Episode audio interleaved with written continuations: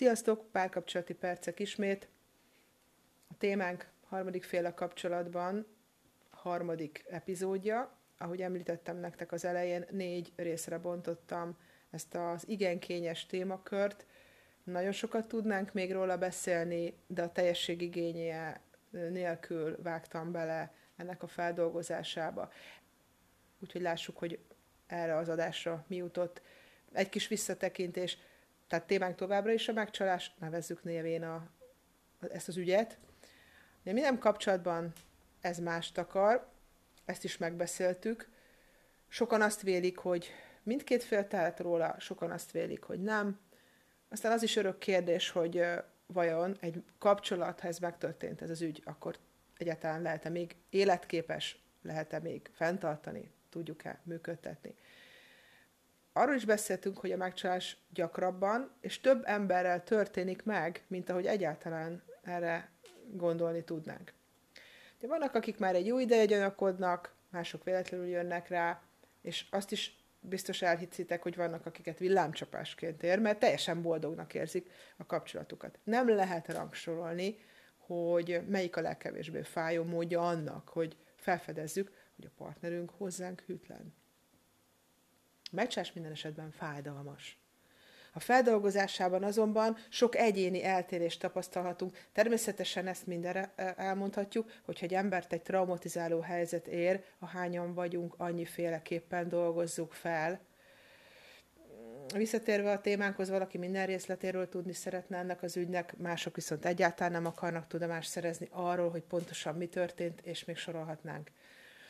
És természetesen személyenként változó, ahogy az előbb mondtam, hogy ki hogyan dolgozza fel a párja hűtlenségét. Csak annyit, nem menjünk ebbe mélyen bele, hogy függ a személyes beállítódásunktól, a jelen pillanatnyi és az általános idegrendszeri mm, jellemzőinktől, hogy milyen idegrendszerünk van, és az milyen állapotban van, vagy például az előzetes párkapcsolati tapasztalatunktól, és nagyban befolyásolhatják a reakciónkat mondjuk azok a jellemzők is, vagy berögzült minták, ahogy láttuk, hogy a szüleink hogy viselkedtek egymással e, ezen a téren. Emiatt történhet meg, hogy tompít a fájdalmon, ha nem egy idegen a harmadik személy, még más esetben feldolgozhatóbb, ha egy teljesen ismeretlen emberről van szó. Ennyi bevezető után, most nézzük meg azt, hogy a megcsalásnak milyen fajtái vannak. Ez egy kicsit ilyen tudományos megközelítésnek hangozhat, de ha most végighallgatjátok, akkor érthetővé válik, hogy nem mindegy, hogy hogy csalja meg valaki a párját. Mert fontos különbséget tennünk a fajtái között, hiszen egy egyszeri botlás és egy szeretői viszony okozta lelkisebek egyenként eltérőek lehetnek. És a szakirodalom is különbséget tesz a megcsás típusai között, és ami érdekes, hogy a hűtlenségnek a 21. században már olyan formái is vannak, amik pár évtizeddel ezelőtt még elképzelhetetlenek lettek volna. Nézzünk rá, mik ezek. Az elsőt úgy hívják, hogy mikromegcsalás. Érdekes ez a megfogalmazás, a mikromegcsalásról beszélhetünk, amikor a föltörésről beszélünk, akkor kihívó üzeneteket küldözgetünk, és a párunk előtt gondosan eltitkolt ilyen beszélgetésekbe megyünk bele. A mikrojelzőt azért kapta a fogalom, mert tényleges szexuális jellegű megcsalás nem történik. Most az, hogy káros-e a kapcsolatra nézve, ez az ügy attól függ, hogy milyenek a keretek, amiket a pár meghatározott a kapcsolatukban. Ha a kapcsolatuk kereteibe belefér egy kis kacérkodás, hát akkor nem biztos, hogy ez a, akkor a probléma. De ha titkoloznia kell a pár előtt, akkor a bizalmi kapcsolat hátrányára lehet. Tehát nagyon fontosak, még egyszer hangsúlyozom, a keretek, amit együtt rögzítenek a pár tagjai. És ehhez képest, hogy belefér vagy nem fér bele. Aztán a másik, van egy a másik, a virtuális megcsalás. Hallottátok, vagy hallhattátok már mástól, ezt a mondatot, csak felnézek a Tinderre, hogy milyen a felhozatal. Hát mi, mi rossz van abban? Picit megnézem, ki merre, milyen. Stb. Na most a virtuális megcsalás, e, virtuális megcsalás esetében, na, ki se tudom mondani, hiszen annyira új ez a fogalom, így ebbe a megfogalmazásba, tehát ugorjunk neki még egyszer. A virtuális megcsatás esetében az egyik hangsúly a titkolózáson van, amikor a másik uh, féllel ugye élőben nem találkozik az illető. És a virtuális megcsalás csak és kizárólag online formában folytatódott viszony, vagy folytatott viszony. Ám ezeken kívül ebbe a kategóriába tartozhat mindenféle internet segítségével folytatott kapcsolat, legyen az képküldözgetés, vagy szexes tartalmú, vagy szándékú chat, vagy épp az, ha a párunk ilyen jellegű tartalmakat bekövet valamelyik közösségi oldalon. Tehát ez az a kategória, amire gondoltam az imént, hogy a 21. században van ez a forma, és pár évtized, jó pár évtizeddel ezelőtt ilyenről nem igazán lehetett szó, hiszen nem voltak ilyen jellegű felületek, ezért furcsa ez a szópárosítás, hogy virtuális megcsalás. Na most a végére meg is tudtam rendesen mondani. Izgi. Aztán van a következő forma, ez az egy, egy éjszakás kaland, ez nyilván mindenki számára ismert, hogy mit akar, hiszen egy jól sikerült est a barátokkal, egy kevésbé jól sikerült, ám annál illumináltabb állapotban végződő buli, vagy egy veszekedés utáni búfelejtés hm, belehajszolhat valakit egy ilyen egy éjszakás kalandba.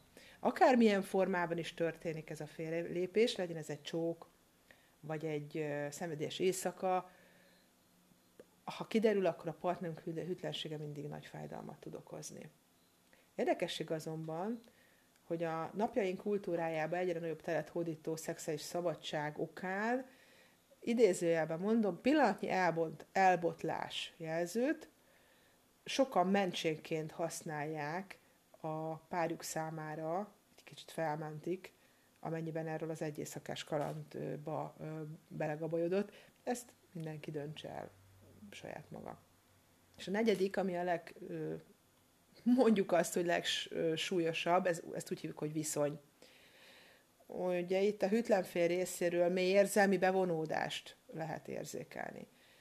A megcsalt fél számára pedig mély érzelmi sebeket okozó szeretői viszonyról van szó, és a feldolgozása nem egyszerű. Sok esetben arról van szó, hogy a párkapcsolatból hiányzó szeletet éli meg a félrelépő fél egy másik személlyel. Gyakran az idő előre haladtával jellemzően csökkenő mértékű szexualitás, de előfordul, hogy a szexuális alapok miatt létrejött pároknál pont az intimitást keresve bonyolódik egy ilyen szeretői viszonyba, külső kapcsolatba az egyik fél. És nem ritka az sem, hogy a megcsalt fél is tud a viszonyról, viszont a, mondjuk azt, hogy erőforrás hiányaiból, érzelmi gátból, vagy gátokból, vagy egyszerűen kényelemből fakadóan nem tud ellene tenni, vagy nem akar ellene tenni. Ilyenről is hallottunk már. És egy kicsit beszélünk arról, hogy mindkét emberen múlik a félrelépés. Én ezt nem fogom egyértelműen megválaszolni, hiszen a hány helyzet annyiféle kimenetele lehet. Ugyanis gyakran gondoljuk azt, hogy a megcsás csak a boldogtalan kapcsolatokat érinti, és mind, mindig a két emberen múlik. Sokszor sajnos tényleg azért tekint ki valaki a kapcsolatban, mert ott abban nem talált meg valamit, ami számára lényeges lenne. Mondjuk, hogy elhidegültek egymástól, vagy sok nehézséggel néznek szembe, és hát ez tűnik a könnyebb megoldásnak, ez egy könnyebb út. Ugyanakkor én azt gondolom, hogy bánjunk óvatosan azokkal a sokszor hallható kifejezésekkel, az egyik úgy hangz, ami úgy hangzik, egyet mondok, te hajszoltál bele a megcsalásba. Ugye ez elhangzódhat, és ilyen és ehhez hasonló kijelentésekkel szerintem óvatosan kell bánnunk, ugyanis egy párkapcsolati krízis általában nem ennyire fekete vagy fehér. Ezért javasolt annyiszor ismétlem már, hogy ha ilyen helyzetbe bonyolódunk, egy külsős terápia és egy terapeuta kísérjen minket végig a, amikor kiderül egy ilyen megcsalás a kapcsolatban, hogy akkor ezt, nézzünk egy kicsit rá más szemmel is. Hiszen, hogy mondtam, nem ennyire fekete-fehér. Aztán egy nagyon érdekes kérdést hoztam most be, vagy hozok most be, amin lehet, hogy érdemes lenne elgondolkodni, sőt biztos. de nem egyszerű. Visszaszerezhető a bizalom. Lehet, hogy ez a kérdés benned is felmerült. Tehát, hogy minden személy eltérő értékrenddel és normákkal rendelkezik, így a megbocsátó, megbocsátás, megbocsátható fogalmakba beletartozott dolgok is egyénenként eltérőek. Van, aki képes új alapokra helyezni a párkapcsolatát a meccsás után, és egy sokkal stabilabb, kiegyensúlyozottabb életet folytatni a partnerével a történtek után. Másoknak viszont töréspontot jelent, vagy épp ez a helyzet nyitja fel a szemüket arra vonatkozóan, hogy nem illenek egymáshoz. Kellemetlen helyzetet okozhat, ha a pár úgy dönt, hogy megpróbálnak túllépni a hűtlenségen és dolgozni a kapcsolatunkon, ám bizonyos élethelyzeteknél és konfliktusoknál újra és újra kiütközik, hogy bár szeretnék, hogy működjön a kapcsolat, nem tudnak bízni már egymásban. Most én azt gondolom, hogy teljesen új lapokra helyezve működhet, sőt el is mélyülhet egy párkapcsolat a hűtlenség után. Ha, és nagyon fontos, mindkét fél akarja, és dolgozik is a felmerült problémáknak a megoldásán, akkor újraépíthető a párkapcsolat, ám ez teljes beleadást, nyílt kommunikációt és őszintességet igényel. Ha ezek megvannak, ezek megléte mellett, én úgy gondolom, hogy ez a bizonyos bizalom is visszaépíthető, munkás. Tehát dolgozni kell rajta, ez én azt gondolom kétségtelen. És akkor beszélünk egy kicsit a, a kapcsolat újraépítéséről, amit itt most már felvezettünk. Négy pontot hoztam, amit én azt gondolom, hogy fontos lenne átgondolni, ha újra akarja egy pár építeni a megrogyadozott kapcsolatukat. Amikor egy ülésen kerül ez a cél a párnál elő, akkor hangsúlyozom, hogy mindegyikre, amit most felsorolunk, van gyakorlat, ami ebben a feleket segíti. Most ezt a gyakorlatot itt nem mondom el, csak azért mondtam el, hogy ha valaki ide kerül egy ilyen helyzetbe, és ide érkezünk, hogy a kapcsolatot hogy tudja újraépíteni, akkor tudja, hogy ezekhez a gondolatokhoz gyakorlat kapcsolódik. Nézzük az első, építsenek elfogadó alapukat. Most gyakran azt vehetjük észre, hogy ítélkezünk mások és önmagunk felett, esetleg hasonlítani kezdjük magunkat másokhoz. Ennek ellenére a hűtlenség megfelelő kezeléséhez meg kell próbálnunk a külső hatásokat a lehető legnagyobb mértékben kizárni, és partnerünkkel együtt kitalálni a továbbiakat. És előfordul, hogy ez nem megy. Nagyon, sokra, nagyon gyakran előfordul. Ilyenkor érdemes szakemberhez fordulni, hát ha a külső segítséggel meg fogjuk tudni menteni, vagy meg fogjátok tudni menteni ezt a kapcsolatot. Bizony előfordul, hogy akármennyire is szereti valaki a partnerét, a legjobb dolog az, amit tehet, hogy ezután az egész ügy után, és ami felkavarodott bennük, e, ezután elengedi. És természetesen egy szakember ebben is nagyon sok hasznos segítséget tud nyújtani. Nem csak azért, ha zárójelbe teszem, nem csak azért megyünk szere, szakemberhez, nem csak azért megyünk bele egy párkapcsolati coachingba, hogy mindig az a cél tűzi ki a pár, hogy, hogy együtt marad. Van, amikor a végkifejlet ez, hogy el kell engedjék egymást. Én azt gondolom, az nem mindegy, hogy hogyan. Aztán a másik, hogy bocsássunk meg magunknak is.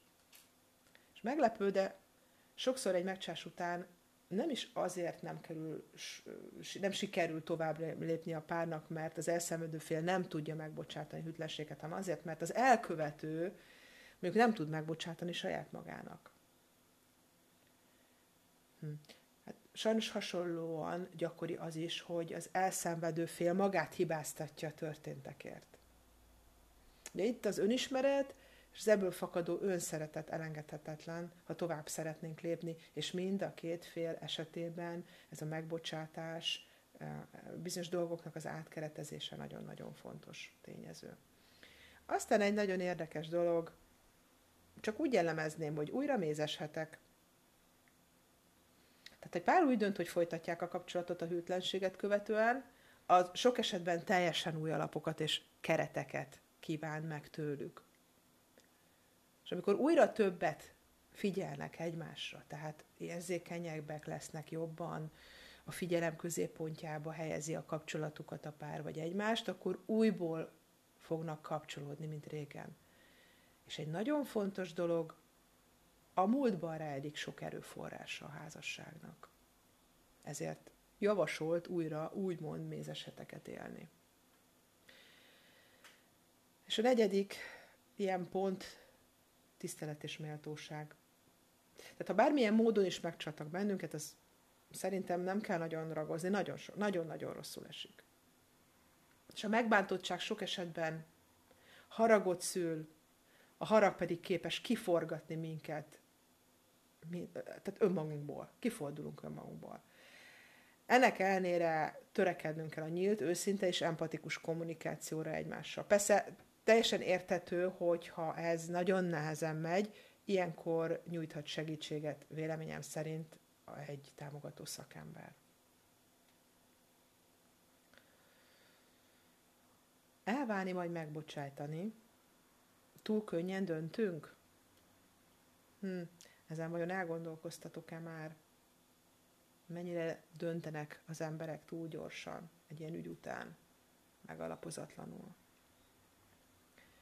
Tehát ha egyszer kiderült a hűtlenség, akkor komoly munka kezdődik, erről már beszéltünk, a saját önértékelésünkön, a kapcsolatunkon, és egyáltalán a jövőnkre nézve, hogyan tovább, mit csináljunk, hogy éljünk. És a különvállás nem mindig a helyes megoldás. Nem azt mondom, hogy mindig együtt kell maradni, mindig el kell válni, tehát ilyen alapvető sarok pontokat nem tudunk mondani, vagy instant megoldásokat. Én csak annyit mondok, hogy nem mindig a helyes megoldás. Ugye ez be, bekövetkezik ez az ügy. Döbbenet, hitetlenség, sok hatás, kétségbeesés, ezek jöhetnek. Akár mind a két részről. És aztán sok kérdés, vagy a csend. És ha szembesül valaki a partnere hűtlenségével, a belső világa, hát úgynevezett érzelmi csatatérré válhat, egy nagy érzelmi cunami jöhet. És gyakran előfordul a düh. Az agresszió, amit ilyen hullámokba felválthat, önmarcangolás, ne talántán a saját élete elleni fordulás, vagy a gondolata. Mikor azben keresi az okokat, és természetesen a másikat hibáztatja. Nem számít, mi történt korábban. Nem számít, mennyire volt elégedetlen a párkapcsolatával az illető. A bűnbank már megvan, innentől tulajdonképpen csak a szerencsétlenül alakult kapcsolat elszenvedőjének éli meg magát az illető. És a nagy kérdés, hogy a hűtlenség az egyenlő a szakítással. Sokak számára gyorsan világosá válik, hogy nincs tovább. Ez az első vége. Külön válnak először az asztaltól, aztán az ágytól, majd az összes emléktől. Ennek gyakorta szemtanúi a vállóperes ügyvédek vagy bírók, biztos, hogy ez az egyetlen út létezik? Én azt gondolom, hogy sok párkapcsolat azért fut zátonyra, mert nem bíznak benne a felek, hogy javítani tudnak a közös életükön, pedig a lehetőség ugye ott lenne, adott lenne. És sajnos sok párnál figyelhető meg a vitakészség és a vitára való hajlandóságnak a, a hiánya. Tehát amikor a harmónia már nem garantált, akkor hajlamosak vagyunk, hát úgymond veszekedés nélkül elválni, szétmenni, szakítani. Szerintem a konfliktusok gyakran túl korán kerülnek a váróperes bírák elé. Ez azt jelenti, hogy az érintett felek lemondanak arról, hogy maguk tárgyaljanak a konfliktusokról, hogy beletegyék magukat ezekbe a helyzetekbe, inkább feladják. Felgyülemlett problémák. Ugye a kívülről érkező segítség az abban sajnos nem minden esetben jelent kiutat. Ha minden szeretet elhal, csak a gyűlölet és a sértettség uralkodik a felek között, akkor a szakítás gyakran egy ilyen nagy fellélegzésnek, egy felszabadulásnak élik meg a felek, ami lehetőséget enged ugye a jövőnek, és akár egy új szerelem kibontakozásának. Szoktuk mondani, hogy ez a hetedik házassági évfordulót, biztos hallottátok már, tehát ez a bizonyos hetedik házassági évforduló tájékán nagyjából, hogy, hogy miért vannak ezek a, ezek a dolgok, ezek az ügyek jobban, nagyjából ennyi idő alatt felgyülemlettek, vagy felgyülemlenek a problémák, amelyek a gyereknevelésből, házépítésből, karrierből, vagy a személyiségbeli különbségből adódnak. És akkor picit beszéljünk arról, hogy mi jöhet a hűtlenség után. Ugye ez attól is függ, ezeknek a kezelése, hogy az adott pár a párkapcsolati stádiumának melyik szakaszában tart.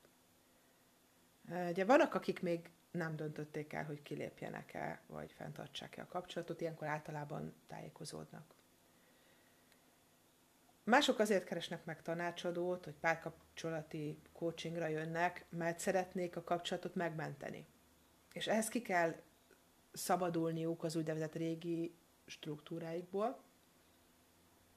Egy harmadik csoport már döntött a különvállás mellett, és ebben a fázisban azért jön, mert támogatásra van szüksége hogy a hűtlenség együtt jár az elszenvedő félnél az árulás és a megbízhatatlanság érzésével, a megcsalt partner kirekesztve érzi magát, és megkérdőjelezi adott esetben akár a saját életét is. És ezt a fájdalmat, ezt meg kell hallgatni. A másik oldalt nézve a hűtlenfél számára természetesen kellemetlen, amikor ilyen módon szembesül a felelősségével. Ha azonban a kapcsolatban akar maradni, akkor ezt nem kerülheti el. A gyakran heves érzelmek megbeszélése végül szerintem mindkettőjüket szolgálja, mert csak akkor lehetséges az újrakezdés, ha ezeken a sérelmeken mind a két fél túllép.